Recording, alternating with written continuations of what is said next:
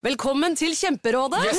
Denne gangen har vi fått inn et kjempedilemma fra en familie. Okay. Jeg leser Hei, vi er litt uenige i familien her. Mm. Hvis du skulle vært et dyr, ville du hatt gjeller eller vinger? Oi, den er tricky. Ja, hva ville dere hatt da? Altså, jeg vet ikke, men Med familierabatt får de ubegrenset data fra Telenor fra 399 kroner. Da kan de jo scrolle seg til svaret, rett og slett. Ja, ok, Men for min del Ja. gjelder. Nei, nei, Gjelder. nei, vinger. Nei, nei, gjelder. Ja, okay, ja, kjempebra. Men eh, se nye mobilabonnement på telenor.no, da.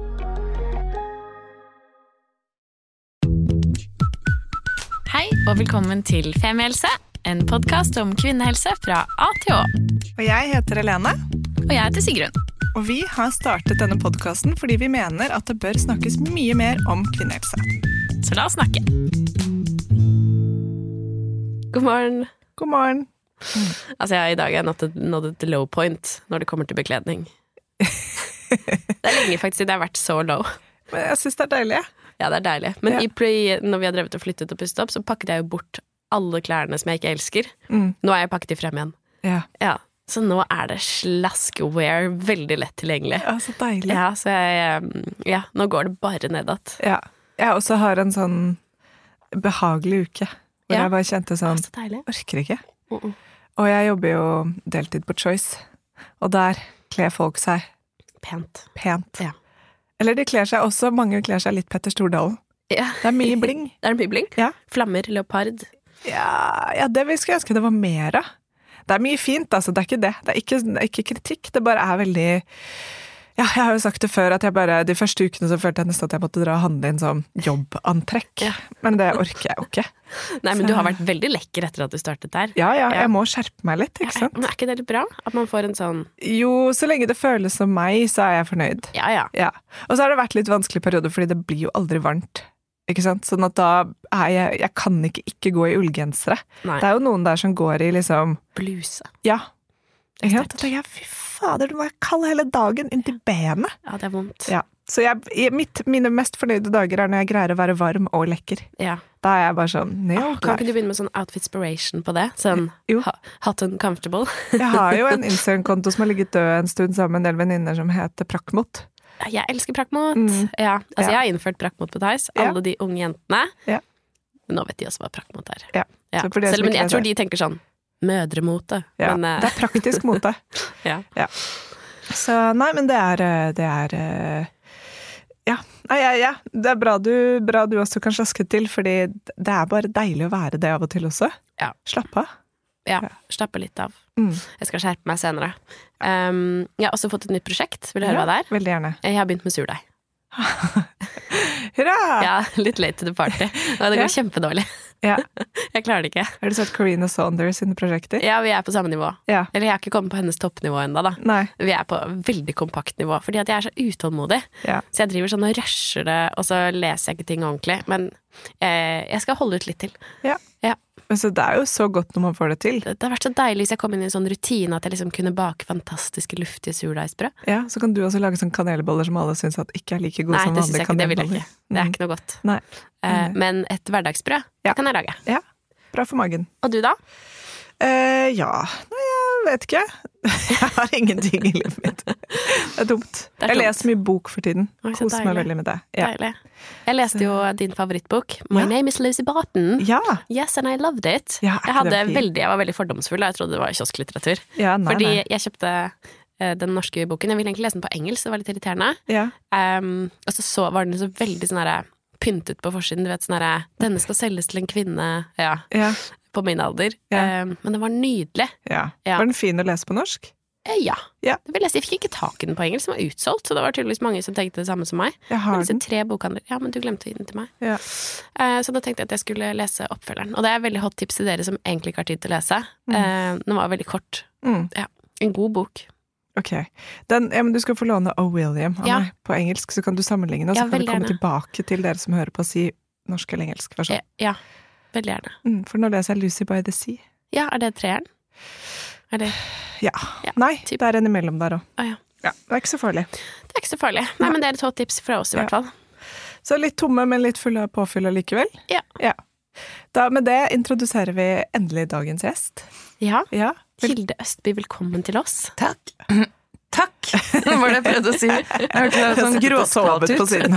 Så lukket øynene og duppet av mens vi prata om bøker. Og, Det har vært litt deilig. Kan, er det greit for dere hvis jeg dupper litt nå? ja, Så kan er dere prate? Ja, ja, vi kan bytte Så litt på vi litt. Ja.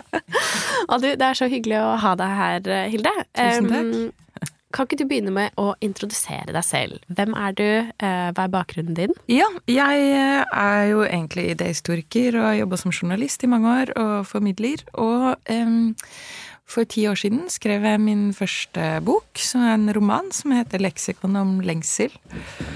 For en deilig tittel. Ja, det er en bok om den utrolige kjærligheten ved første blikk, og alt som kan gå dårlig når det skjer. Nei. og så eh, Fikk jeg veldig lyst til å lese, kjenner jeg. Ja, ja den eh, ble kåret til en av årets beste bøker av både VG og Dagbladet det året. Wow, den, eh, heia deg, så ja, gøy. Fikk terningkast seks i VG, så den eh, har jeg ikke tatovert. Men eh, jeg anbefaler den. Og så til sammen har jeg skrevet seks bøker. Eh, Den siste heter Kart over ensomheten, handler om ensomhet. Eh, Og det er en sakprosabok, for jeg, de fleste bøkene jeg har skrevet er sakprosabøker. Eh, Jeg har oversatt til 21 språk, og har skrevet utrolig mye i mitt liv, og kronikker og debattinnlegg og ja, spalter for Aftenposten og ja. Det det er så rått. Herregud, så Sigrid, og jeg prøver oss jo på kronikker av og til, og det er sånn Da tenker jeg sånn, ja, dette, dette er greit, men det er liksom ikke den det er ikke sånn Fantastisk. dritbra. Jeg sånn, kan ligge og drømme om kvelden at jeg skal skrive sånne tekster som bare er sånn bra. Ja. Litt, og at jeg skal få den samme følelsen som da jeg leste i kronikken av deg, som var grunnen til at jeg liksom spontant tok kontakt, da, eh, var jo nettopp om eh, fedme og følelser. Eller fedme og traumer, kanskje mer. Ja.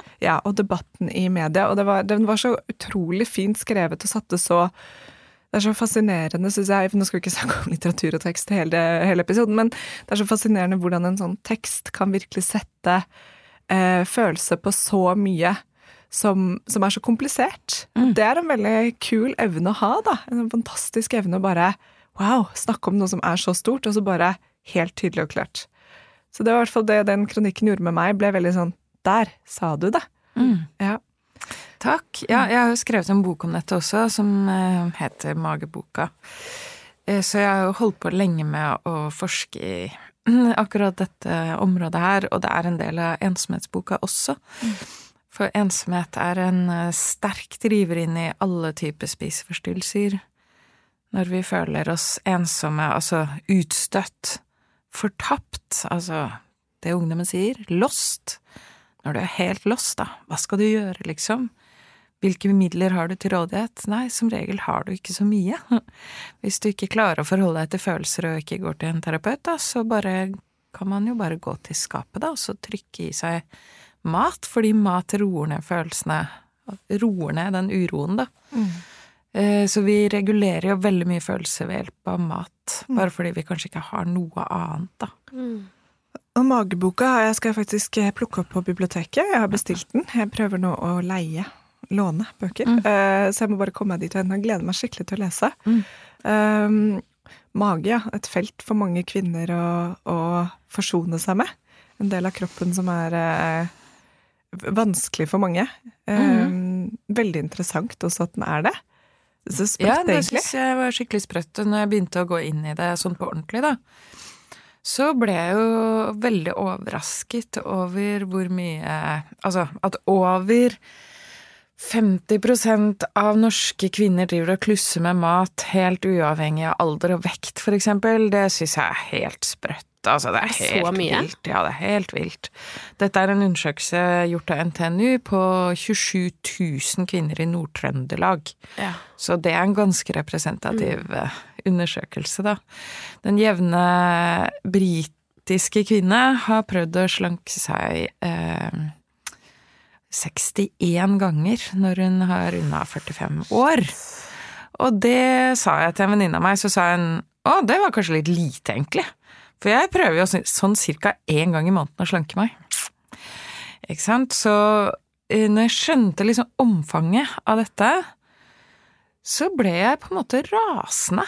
Jeg ble så sinna, og jeg ble så sinna når jeg skrev den kronikken, så var det jo indirekte et svar på at fremstående helse, helseaktører går ut og snakker om tjukke barn som et problem. Og hvis du virkelig vil ha folk drevet inn i en spiseforstyrrelse, så må du snakke sånn. Om barn. Fordi barn, de får det med seg. De vet da at de vet at de er tjukke. Det får de beskjed om hele tiden. Og når de også får vite av helsemyndighetene at de er et problem for samfunnet, ja, vet du hva, da har du satt i gang en flott spiseforstyrrelse der, fordi det er det som skjer. Eh, De fleste med sånn ordentlig utvikla overspisingslidelse, og som er såkalt sykelig tjukke, de har begynt, eh, begynt med slanking som barn. Det er helt vanlig. Ikke sant? Så du var litt lubben som barn, ble foreldra dine pusha deg til å slanke deg, og så får vi denne spiralen. Slanking, overspising, slanking, overspising. I behandling av overspisingslidelse så er noe av det viktigste er å slutte å slanke deg, eller gi avkall på ideen om å slanke deg. For det er en kjempesterk driver inn i overspising. Jeg for min del, jeg begynner, altså når jeg er, har det veldig dårlig, da, så begynner jeg hver dag med å veie meg. Så altså, vekta er Det er ganske skadelig, bare det, for jeg er helt besatt av tall. Så jeg begynner dagen med å veie meg, eh, så ser jeg at jeg veier kanskje noen kilo for mer enn det jeg vil, og så tenker jeg ok, da skal jeg ikke spise i hele dag, og kanskje ikke resten av måneden, eller eh, bare et halvt knekkebrød. Og så, eh, i løpet av dagen, så bryter jo dette forsettet sammen, og på kvelden så er det full fest med å stappe i seg, og med skamfølelse, mens jeg står ved kjøleskapet med sk sånn skamfølelse. Så det er en av de sterke driverne, og så er det sånn store traumer som er u ikke ferdig bearbeida for meg, som gjør at eh, jeg har bare en sånn uro i kroppen. Det kverner i magen, jeg vet ikke hva det er. Jeg bare stapper i meg for å roe det ned. Jeg må jo si du vekket samme følelse hos meg som du selv hadde da du skrev, for jeg ble veldig provosert eh, når jeg leste kronikken, og eh, det gikk nok opp et lys for meg om den eh, altså jeg vet ikke om liksom fordummende, forenklende måten å snakke om fedme, eh, som vi har egentlig på tvers av liksom alle lag i samfunnet, vil jeg yeah. si. Både i media og helsevesenet, og også oss imellom, om, om at liksom Fett er bare fett, på en måte. At det liksom ikke er noe bakenforliggende. Kan du ikke Ja. fortelle litt, om, litt mer om bakgrunnen eh, for denne kronikken? Hva, Ja, ja, altså hva er det som kan ligge bak, da, for å si det sånn? Annet Ja. enn at man ikke Fordi sånn jeg, i hvert fall det jeg ble provosert av, er det sånn Ja, det er bare at du må spise litt mindre. Nei, det, det er ikke alltid bare det. For Det hva er- annet kan det være? Ja, det er ikke alltid bare det. Altså, det første som må etableres, og som er helt vilt å si offentlig, er Kanskje man bare kan være ly lykkelig, sunn og tjukk. Kanskje vi bare skal liksom bli enige om det. Og at du aner ikke hva folk sliter med, eller ikke sliter med, basert på hvordan de ser ut. Så du, la oss bare etablere det. Så uh, den forskningen jeg presenterer her nå, betyr ikke at du nå kan etterpå gå ut og se en tjukk person og anta at den personen sliter med det og det og det, som jeg kommer til å snakke om nå. Bare så det er sagt, det er kjempeviktig, fordi det er så utrolig frekt! Vi må begynne å snakke ordentlig til hverandre, og, og liksom høre hva er ditt problem egentlig? Ikke sant? Men da jeg jobbet med mageboka, så så falt jeg over eh, forskningen til Vincent Felitti. Vincent Felitti skulle bare slanke folk i middelklassen i San Diego i, i 1985. Satte han opp eh, en slankeklinikk der, og så ble jo middelklassen tynne, for de hadde hørt om brokkoli og visste det der med jogging og dere vet, alt det der kalorier inn, kalorier ut-greiene. Og så, idet de slutta hos eh, Felitti, så la de på seg alt igjen med renter. Og Felitti ble ordentlig lei av slanke folk som ikke ble tynne for alltid, for tynn for alltid, det er jo kjempeviktig, eller hva? Og da em, hentet han Han gjorde noe radikalt som ingen hadde gjort før. Og når jeg sier dette radikale, så kan dere jo le av det. Det radikale var at han hentet inn over 200 av sine tidligere klienter og snakket med dem om livet deres. Tenk at det er radikalt. Og så fant han ut at over halvparten hadde blitt voldtatt. Eh, veldig mange hadde en eller flere typer barndomstraume. Eh, Noen hadde opplevd at en forelder hadde tatt livet sitt. Noen hadde opplevd at en eller begge foreldre hadde rusa seg. Noen hadde opplevd eh, neglekt, omsorgssvikt, eller bare levde med denne forferdelige vissheten av å ikke være elsket og ønsket i eh, sin egen familie. Eh, Vincent Felitti satte opp en liste av disse traumene. Han kalte lista ACE, Adverse Childhood Experiences. Og denne lista, det høres jo liksom banalt ut, men det er ikke banalt, fordi den første ACE-undersøkelsen, den første ACE-studien, omfatter nesten 10 000 mennesker og forandret traumeforskningen for alltid, og egentlig vårt forhold til kropp, da. Vi har jo tenkt på kroppen som en liksom mekanisk ting som bare bringer hodet rundt. Men det er selvfølgelig tull. Eh, kropp, I kroppen finner vi avtrykk av vold og smerter og utstøtelser og mobbing. Det gir Det liksom skjer ting med kroppen, da. Eh, og det som skjer med kroppen, er et intenst emosjonelt stress. Altså eh, Forskningen på det har liksom skutt fart de siste 15 årene. Eh, på sånn giftig emosjonelt stress. Det gjør noe med hele kroppen. Det setter i gang lavintensive betennelser, som igjen driver alle våre folkesykdommer hjerte-karlidelser, autoimmune sykdommer, diabetes. Depresjon, det gir søvnproblemer, alle typer spiseforstyrrelser, alle typer avhengigheter. Og spiseforstyrrelser og avhengigheter ligner egentlig veldig på hverandre, for det er på en måte Det er måter å håndtere intens emosjonell smerte på. Så all rus er jo kjempebra fordi det bare tar bort smerten, da det er, hallo, det er anestesi, da. Mm. Og spiseforstyrrelser er en måte å bare håndtere følelser på når du ikke har noe annet. Regulere følelser. Den aller beste måten å regulere følelser på, dere, det er jo andre mennesker. Mm. Bare andre mennesker kan virkelig lære oss og hjelpe oss å regulere egne følelser. Så mat og alt mulig annet eh, som vi bruker for å regulere følelser, det er eh, omveier til mål, og egentlig sånn eh, dører inn i sånne svarte malstrømmer, fordi når jeg har en spiseforstyrrelse Når spiseforstyrrelsen min er veldig aktiv, da, den er ikke alltid det, men når den er veldig aktiv, så det jo, bringer det meg jo lenger bort fra andre mennesker også. Da er jo alt av måltider er jo plutselig veldig vanskelig. Eh, jeg sitter her og skammer meg og hater mens jeg spiser, ikke sant, og, men det kan jeg jo ikke egentlig gjøre foran datteren min. Eh, fordi forskning viser at mm. vi speiler hverandre veldig. Mm. Og et eksperiment som ble gjort i Australia, viste at mødre som begynte å snakke negativt om egen kropp, de satte i gang eh, en spiseforstyrra atferd hos sine ti år gamle barn umiddelbart. Ja. Umiddelbart. Så det skjer fortere enn vi aner, altså. Mm, det tror jeg på. Mm. Og det språket vårt der Jeg har, jeg har ett uttrykk jeg har lyst til at vi skal drepe for evig og alltid, mm. og det er 'det koster ikke en kalori'. Ja. Og det når jeg hører mødre liksom kjefte på barna sine og si sånn 'Det hadde ikke kosta deg en kalori å hente den fotballen', eller mm. 'henge opp det, det der håndkleet'. Så blir jeg sånn 'Ikke si 'koste kalori'. Og jeg vet ja. at det bare er en liten ting. Det er bare et uttrykk, men jeg føler at det er så mye i språket som er hva, ok, kost en kalori, kalorier, tellekalorier Det er så ja, ja. fort antennelig. Eller bare se tjukk ut i denne. Ja. ja. Oh sånn, kanskje enda mer, for ja, du spiser vanlig foran barna dine og er veldig bevisst på det. Mm. Når du prøver den nye kjolen, bare sånn, se tjukk ut i denne. Altså, jeg bare tenker sånn Jeg vil ikke ha den på, jeg føler meg ikke fin. Hvorfor føler du ikke fin? Det er en nydelig farge til deg. Ja. Mm. Ja, så nå Bare bytt kjole, ikke si noe. Ja, definitivt, definitivt. Fordi vi gir dette videre til barna våre. Og nå er det jo sånn at 10% av av ungdommer i Norge har en spiseforstyrrelse. Jeg tror det er helt uh, underdiagnostisert.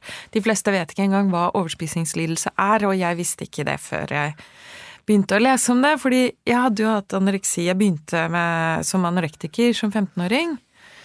Uh, eh, og så begynte jeg å spise ordentlig uh, da jeg var i 20-åra, men da begynte jeg å bruke mat den andre veien. Så da ble jeg overspiser, men visste, jeg visste ikke at det var noe engang. Så jeg tenkte nå er jeg jo frisk fra den anoreksien. Men jeg brukte jo mat på samme måte for å regulere følelser. Mm. Jeg bare gjorde andre ting. Eh, så det tror jeg er helt underkommunisert hva overspisingslidelse er. For det er altså ikke bare at du spiser litt mye, det er også du bruker det til å regulere følelser. Det er veldig knytta til mye selvforakt og skam. Og det igjen blir forsterket av samfunnets eh, forhold til tjukke folk. En stor undersøkelse fra USA viser at halvparten av øh, tjukke folk har ingen sykdommer. Ok, Så vi må bare slutte å ta for gitt at den tjukke kroppen er en sjuk kropp. Mm. Det er verre for deg å være for tynn. Og jeg skal si dere en ting, dere. Jeg har litt magefett. Den dagen det blir sultkatastrofe i Norge, så lever jeg litt lenger enn de som er sånn perfekt inne. Det er kanskje det. Jo, men det er jo naturens Ja. matpakke, Ja, dette her. ja.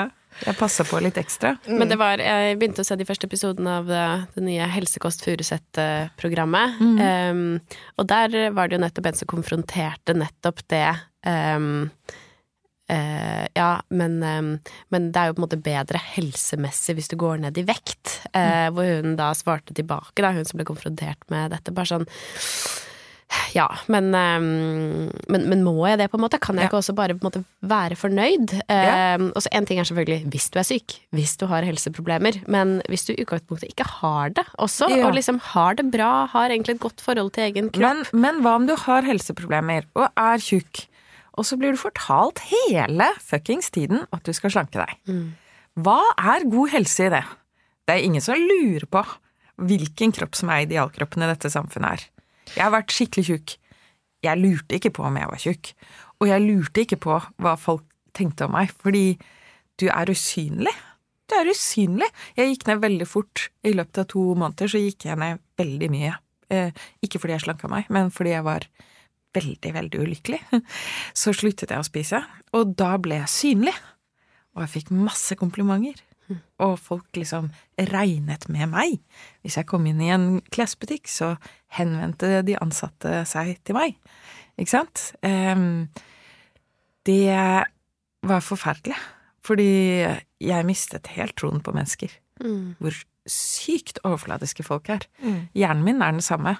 Jeg er eh, snill og smart og flink og gjør jobben min og er snill med mine medmennesker. Og det endrer seg ikke ut fra hvordan kroppen min ser ut. Så vi må snakke utrolig mye bedre til hverandre. Være mye snillere med hverandres kropper. Og, hvis, og så må vi snakke om hva er helse? Hva er egentlig helse? Fordi punkt én når vi snakker om mat, så snakker vi om liksom sunn mat hele tiden. Det er jo helt mas. Altså, for et mas! Vi er jo omnivorer. Vi skal spise alt mulig rart. Ikke sant? I en god blanding. Det er jo ikke sunt å bare spise brokkoli heller. Eh, Det er det ene. Og så snakker vi veldig mye om eh, middelhavskostholdet, for det er så sunt.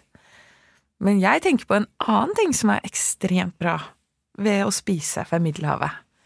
Og det er at man ofte sitter ute i naturen ved et stort bord, omgitt av venner og familie. Man spiser lunsj i to timer!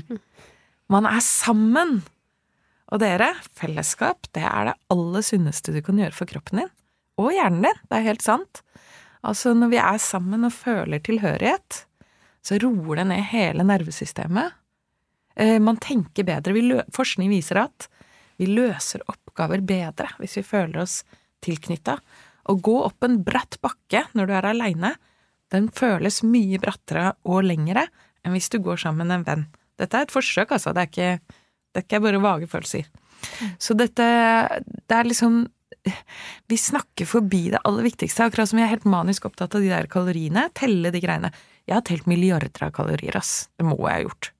Jeg kan, se, jeg kan gå og se en middag, så vet jeg akkurat hvor mange kalorier det er. Og indisk måltid, å ja, 469, liksom. Jeg kan, jeg kan det, og det er helt forferdelig, og det skal man ikke gjøre. Men også at vi er, vi er liksom helt nede i mikrobestanddelene på maten, og så snakker vi ikke om det med fellesskap, for det er så, det er så mye vanskeligere. Mm. For det er fellesskap, og så er det følelser, og så er det um, Fordi selv om en del spiseforstyrrelser kan trigges av traumer, så kan det jo også trigges av øhm, det samfunnet vi lever i, med Ja. fristelser og med nytelse og med Kos deg. kos deg. Ja. Du må liksom passe på at du aldri er sulten. Ja. Spis hele tiden. Eh, og ja, det kan ja. og, så, og så får man de andre signalene, og det er sånn eh, Halvparten av 14 år, norske eh, jenter på 14 år har sett eh, til Inspiration på eh, sosiale medier. Så Du får hele tiden den nå, ikke sant? Man får begge deler. Ja. Så det er superkomplekse saker, og det er så interessant at dette er en av liksom de store Jeg vil velge å påstå en av de store utfordringene vi som sivilisasjon, sånn internt, hvordan vi har det inni oss selv, møter nå, er forholdet til mat og følelser. Ja. Det er kjempestort og kjempekomplekst. Og, og det er sånn, når du sa sånn 50 av liksom slanker seg, så tenker jeg sånn, jeg tenker nesten er vi ikke 100? Jeg føler sånn, jeg, jeg kjenner nesten Jeg kjenner ingen- nesten ingen som ikke har På en seg. eller annen måte. Nei, på en eller annen måte. Og som har liksom på en måte tatt grep. Eller endret noe, eller gjort noe. Dietter. Ja. Ja. Og det er jo også sånn sånn Det er fordi at eh, jeg, jeg føler også at hvis vi går på autopilot og på en måte spiser det som blir servert, så er det vi er liksom, Maten vår er jo kanskje ikke det den var engang. Det er veldig mye rart i det vi spiser også. Så det er helt sånn derre Jeg føler at det er, det er veldig komplekst landskap å manøvrere seg. Ja, ja, også i motsetning til alt mulig annet, egentlig. Sånn sigaretter, alkohol og eh, dop og alle mulige andre ting. Vi kan ikke forby oss bort fra mat, da. og jeg syns jo vi skal spise litt sukker innimellom med god samvittighet og glede, på en måte. Det handler ikke om det. Jeg har spist meg tjukk på eh, hjemmelaget mat eh, kokt fra bunnen i fem timer. Altså, jeg har aldri spist eh, sånn dårlig mat. Jeg liker ikke burgere engang, så men, man kan fint bli tjukk hvis man er har en spiseforstyrrelse som overspisingslidelse, så klarer man fint å spise opp på veldig sunn mat. det går fint. Ikke sant? Um, Men hvis vi på en måte ser på Nå har vi jo snakket mye om hva som er på en måte galt med debatten da, em, rundt helse og, og fedme. Mm, ultimat jeg sier tjukkhet, jeg. Du sier tjukkhet? Det har jeg lært av eh, tjukkaktivister. Ja. At uh, både fedme og overvekt signaliserer jo et eller annet sånn sykelig, ikke sant? Og overvekt, du er over en eller annen vekt. Hvilken vekt? ja. Jeg tenker også, bare jeg skal skyte inn der før Ja. du sier det du skal si. Eh, vi snakker om kroppen som om den er statisk. Og når jeg fødte, for eksempel, så tenkte jeg, og folk sa det, liksom Ja, da skal jeg tilbake til den kroppen jeg hadde før jeg fødte. Det er helt umulig! Kroppen min har gjort noe helt avsindig, så den kommer aldri til å være den samme igjen. Ikke sant? Så, og nå Beinstrukturen endrer seg jo. ja, Det er jo og- helt sinnssykt. Og kropp og visste dere det? At den lille fosteret sender ut stamceller Ja. som blir plassert rundt inni kroppen min. Så nå er det sånne små suvenirer fra babyen min inni kroppen min. Det er bare helt utrolig. Kroppen er helt utrolig. Og nå går jeg inn i overgangsalderen, og da kommer kroppen min til å endre seg. Jeg kommer til å legge på meg mer, ikke sant, fordi sånn er det bare. Og det Hvorfor kan vi ikke snakke mer om kroppen som noe i bevegelse? Den er i bevegelse, liksom. Og vi, men det er jo fordi vi ikke orker å tenke på at den skal dø til slutt. I enden av den bevegelsen er døden. Så det er veldig fint å prøve å holde den fast, da, kroppen. Hva er det du skulle si?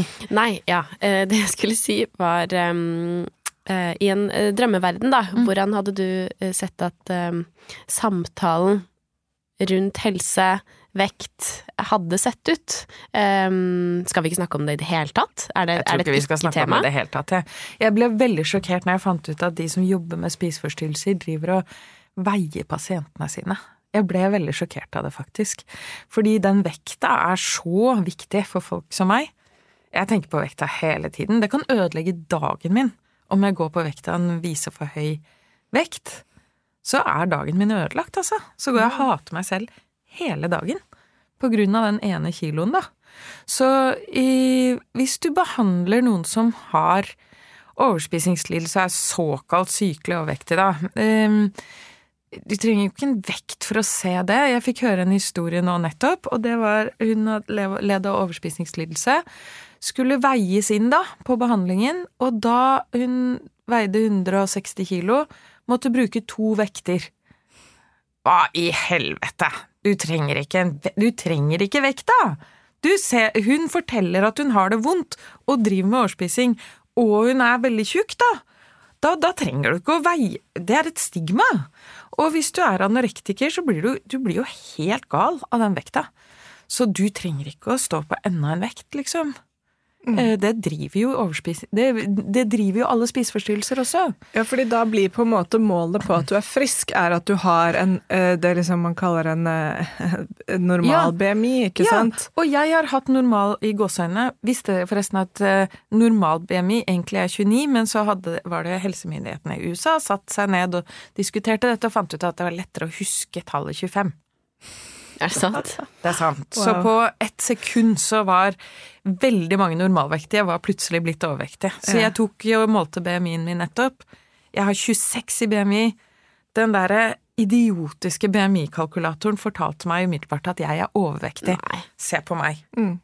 Det er helt sprøtt. Men fordi jeg er Det er jo ikke noe galt med kroppen min, jeg har ikke tenkt å slanke meg. Jeg jobber hardt hver dag for å ikke slanke meg.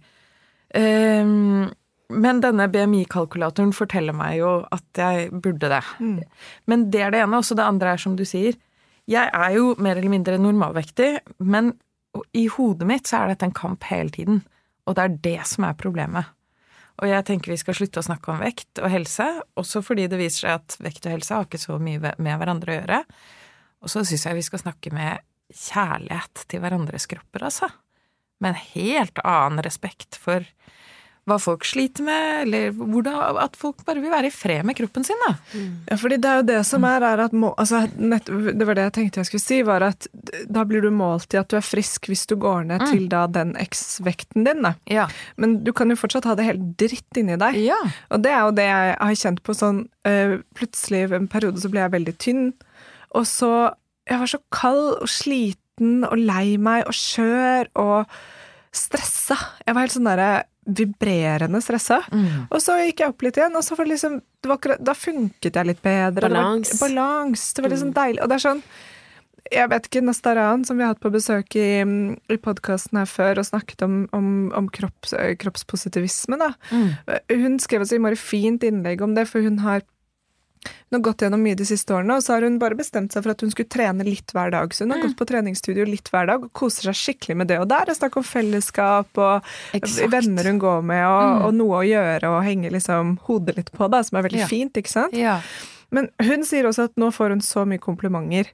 Og hun sier også at det er så frustrerende å vite at sånn Ja, takk, jeg vil gjerne ha komplimenter på at jeg går og trener, det er drithyggelig at dere liksom heier på meg, men at komplimenter går på at hun har gått ned i vekt. Det er sånn, du vet ikke hva som ligger bak. Nei, det Det er ikke. ikke en, det, er ikke en, det er ikke en sånn jeg, ble, jeg fikk en forfremmelse på jobb, så jeg ble skikkelig glad, så jeg gikk ned fire kilo. Det er ikke sånn, ikke sant? Nei. Det er ikke den Veldig ofte så går jo folk opp og ned i vekt fordi det er noe emosjonelt som trigger. Ja, ja. Så, og det der å kommentere, og jeg gjør det selv, det er så fort gjort å liksom Hvis jeg ser noen som har eh, Som på en måte har vært større en lang periode, og så plutselig er de mindre, så blir jeg sånn Hun så jo veldig godt ut nå, da. ja.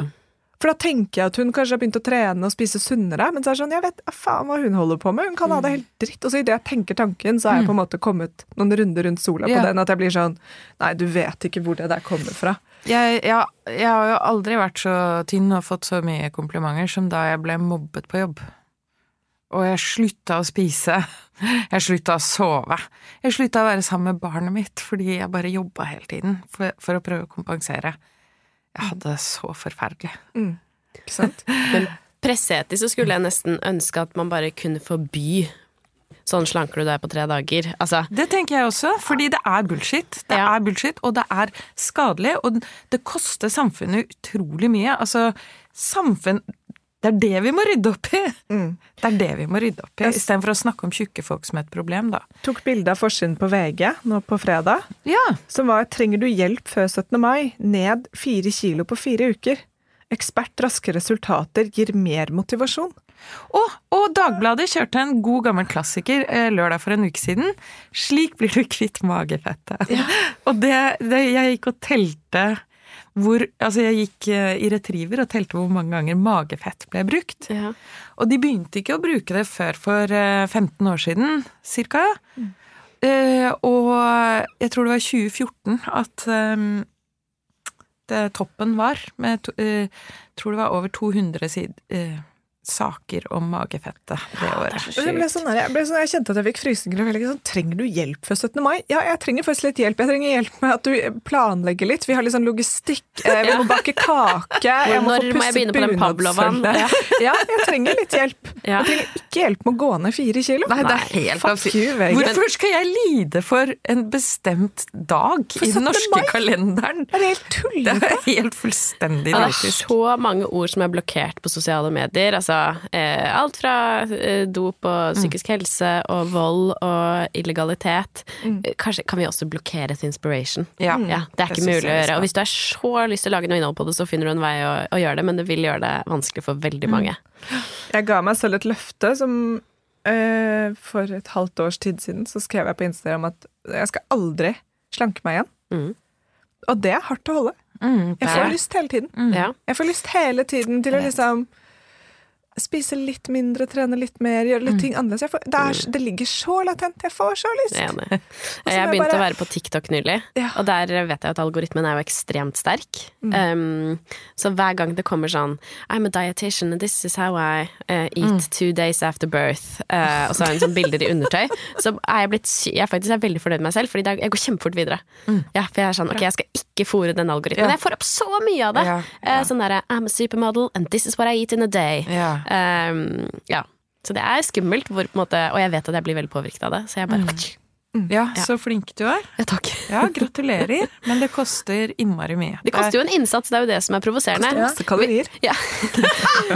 Det koster mye å tenke på det. Jo, men det i stedet for at jeg bare heller kunne opte inn, da. Si sånn ja, jeg er interessert i denne type innhold, men nå må jeg aktivt hele tiden si sånn jeg er ikke interessert! Nei, nei, nei, jeg er ikke interessert! Gå bort! Jeg er ikke interessert! Og jeg må si det mange, mange, mange ganger.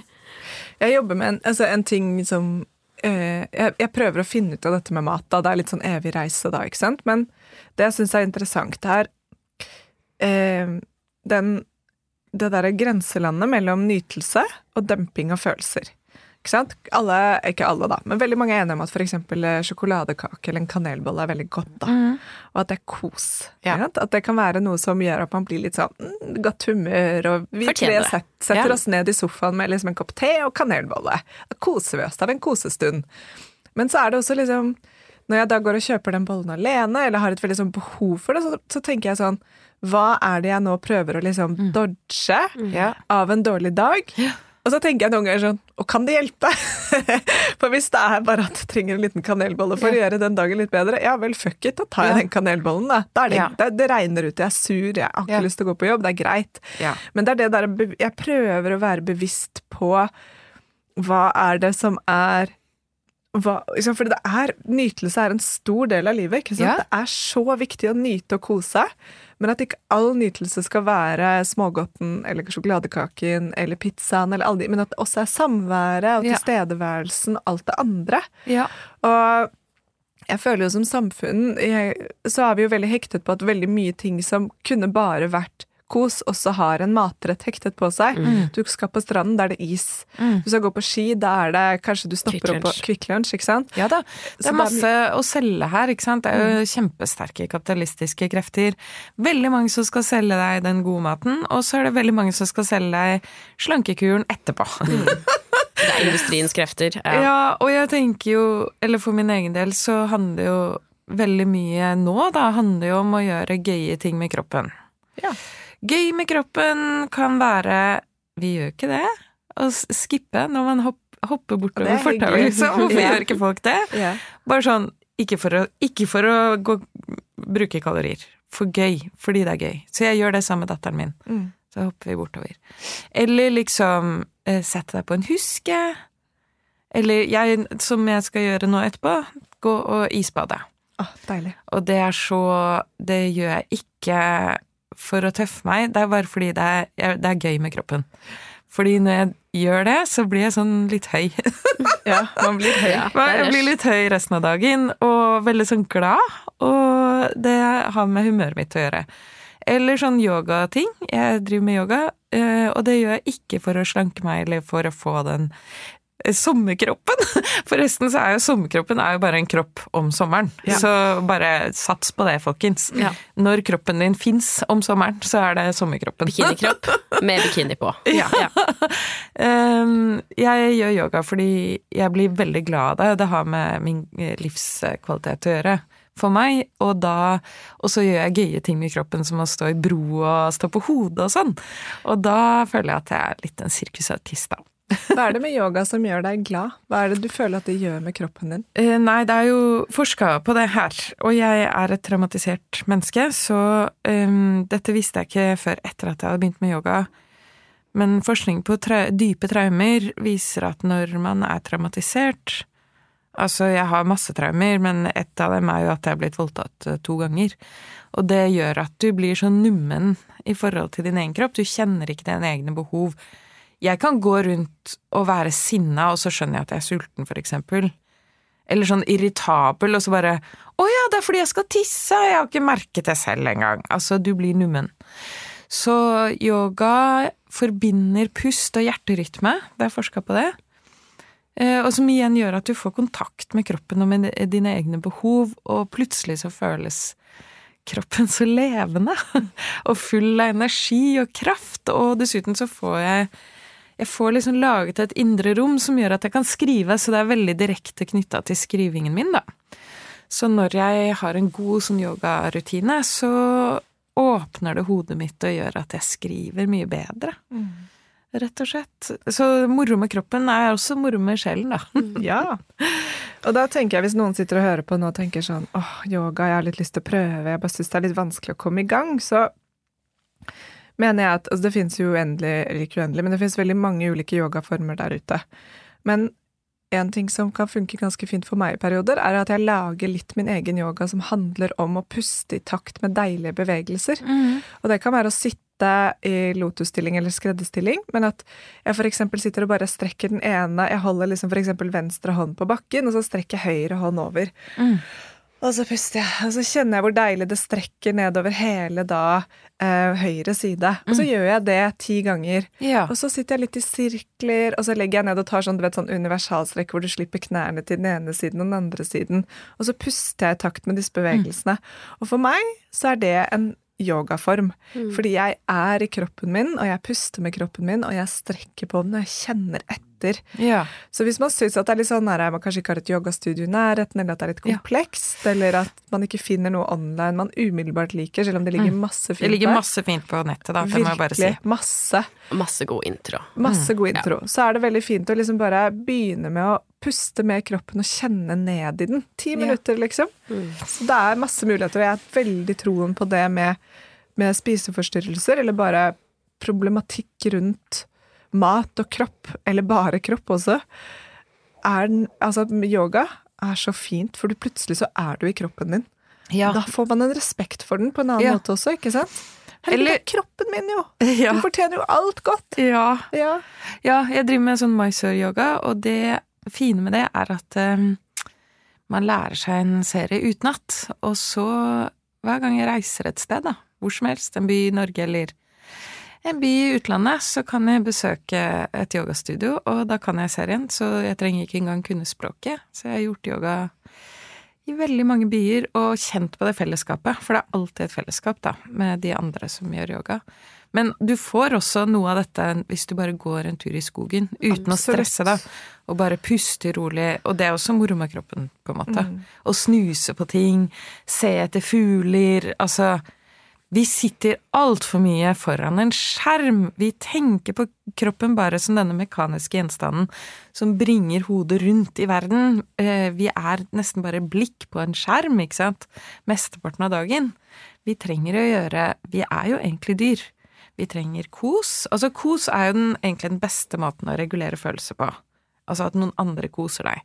Vi trenger kos, øyekontakt, vi trenger å le sammen med andre på ordentlig, real time. Vi trenger eh, menneskelig samvær og tull og fjas og fanteri og, og hoppe opp og ned og sant, bruke kroppen og andre mennesker på en eh, veldig reell måte, da.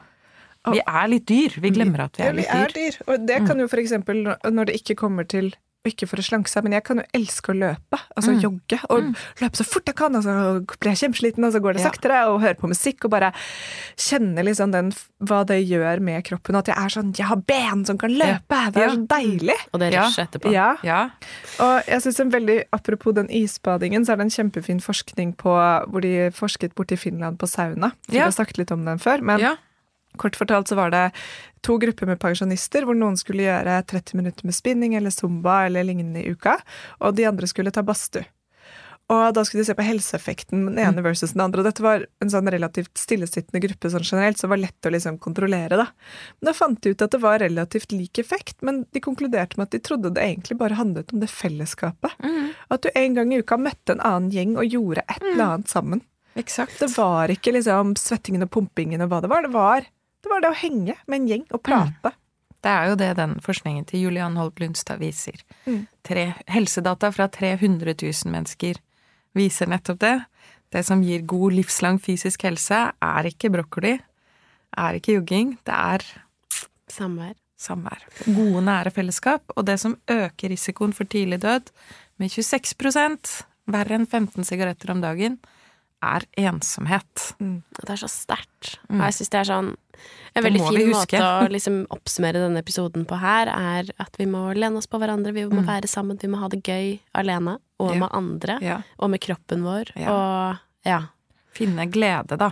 Finne Ikke det derre triste kjøret med å sitte Mm. og telle kalorier. Og ikke glede da som handler om 'jeg fortjener', Mm. 'jeg skal kose meg med' Altså, men bare, ja. Ha det gøy, liksom. Ta det så seriøst. Jeg vet det er veldig lett å si det, men jeg har begynt å prøve mer og mer. Og bare tenke at livet er litt en joke, ass. Det er bare litt tull. Ja. Vi, det er bare, vi er bare sånne rare dyr som går rundt her og bare har stresskofferten vår på vei til jobb. Sånn, nå skal jeg jobbe Alt er bare masse. sånn fake it till make it. Ja, Ja. det er det. Ingen aner hva vi holder på med, liksom. Det er jo tullete. Jeg tenker at det, det beste for meg når jeg er i en overspisings eh, eh, sånn kjør, det er å be mannen min om en klem. Mm. Så ber jeg mannen min om en klem, så blir vi stående der en stund, og så roer det seg. Mm. ja. Det har en sinnssyk effekt. Ja, så klem, altså. Mm. Klem og tulling. Klem og tulling. Ja. Og da tenker jeg, hvis det er noen som hører på nå og kjenner at ja, men jeg har ingen partner, eller jeg føler meg ensom, så er det liksom for det første veldig sympati for det. Jeg har hatt ensomme perioder i livet mitt Mm. selv. Jeg har vært mye singel selv. Mm. Men det er um, tips det er faktisk å melde seg inn i et yogastudio eller lignende, og prøve å liksom finne de fellesskapene gjennom litt betalt glede i begynnelsen, og så hekte det litt på. Mm. Men det er lettere sagt enn gjort, da. Men det er det der med å melde seg litt på, ut der og se om det er noen likesinnede som holder på med noe gøy som du Mm. kan være med på. For det fins. Selv om det er selvfølgelig ulike tilbud rundt omkring, da. At Ja, eller turgrupper, da. Ja. For det er gratis. gratis. Ja. Mm. Og det er um, ja, en, ja. Det, ensomhet går som regel, sånn min erfaring, litt i perioder også. Så det ja. Ja, det er vanskelige ting. Det er ikke noe enkle triks Nei. ut av ensomhet. Nei, Det er ikke noe enkelt triks ut av spiseforstyrrelse heller. Jeg tenker vi bare må snakke masse om det. Det er Ja. veldig fint at vi snakker om det her. Mm. Jo mer vi snakker om det, jo mer eh, Det er et kontinuerlig arbeid, da, å være menneske. Ja, det er det Mm. virkelig. Jeg sier som Gabor Maté har min sånn favoritt-quote på Instagram, da. Han liker jeg. Han scroller jeg ikke forbi når han kommer med noe sånn gullkorn, men han sa at på gravstenen hans så skal det stå I didn't expect it to be this much work. Agreed. Ja, agreed. Tusen takk, Hilde. Takk for at jeg fikk komme. Veldig fint å ha deg her. Mm. Takk til dere som hørte på. Vi snakkes neste uke. Ja, ta vare på hverandre. Ha det! Ha det. Tusen takk for at du hørte på podkasten vår. Selv om det forhåpentligvis kommer tydelig frem, så vil vi understreke at vi ikke er helsepersonell. Ja, så som vanlig, kontakt legen din om du har noen spørsmål, eller om du skal begynne på noen form for behandling. Og har du et tema som du har lyst til at vi skal snakke om, eller noe ris eller ros, så send oss gjerne en melding på Facebook eller på Instagram. Der finner du oss under Femihelse. Og du kan gjerne rate oss på iTunes, det er skikkelig hyggelig for oss. Ha en fin dag! Ha en kjempefin dag!